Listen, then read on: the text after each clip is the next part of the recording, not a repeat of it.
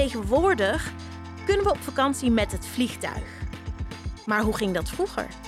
Vandaag geef ik je het antwoord. We beginnen bovenaan met poetsen. 3, 2, 1. Opstijgen maar! Ready for takeoff.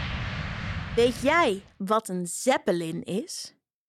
Dit is een gigantische langwerpige ballon, gevuld met gas. Daaronder hing een cabine voor de reizigers, waarin wel 70 mensen pasten. Door de enorme ballon te vullen met gas, is hij lichter dan lucht, waardoor die blijft zweven, zelfs met heel veel mensen aan boord. Denk maar eens aan een hele grote heliumballon, waarmee je jezelf zou kunnen laten opstijgen. Maar hoe bestuur je die dan in de lucht? Daar had de uitvinder, graaf Ferdinand von Zeppelin, goed over nagedacht. Ik heb daar dus heel goed over nagedacht. Aan boord van de Zeppelin waren allerlei technieken om te kunnen stijgen en dalen, een motor om vooruit te bewegen en een roer om mee te sturen. Draai nu je tandenborstel en begin je ondertanden te poetsen.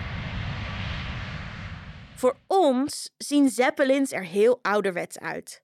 Maar begin 1900 was dit een heel modern vervoersmiddel. Het werd gebruikt om lange afstanden mee af te leggen. Nu zouden we daar natuurlijk het vliegtuig voor gebruiken, maar die konden in 1900 nog niet zo ver vliegen. In 1937 ging de grootste Zeppelin ooit de lucht in. De ballon was 245 meter lang. Dat is zo hoog als een wolkenkrabber met 94 verdiepingen. Aan boord waren 72 slaapkamers, een restaurant en een bar. Dat is eine schone und schicke Outfinding. Eigenlijk was deze Zeppelin dus gewoon een rondvliegend hotel.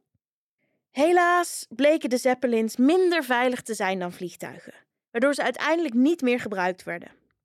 Gelukkig kwamen daar supersonische vliegtuigen voor in de plaats, maar daarover morgen meer. Dat was het voor vandaag. Spuug je tandpasta uit en spoel goed je mond. Tot morgen!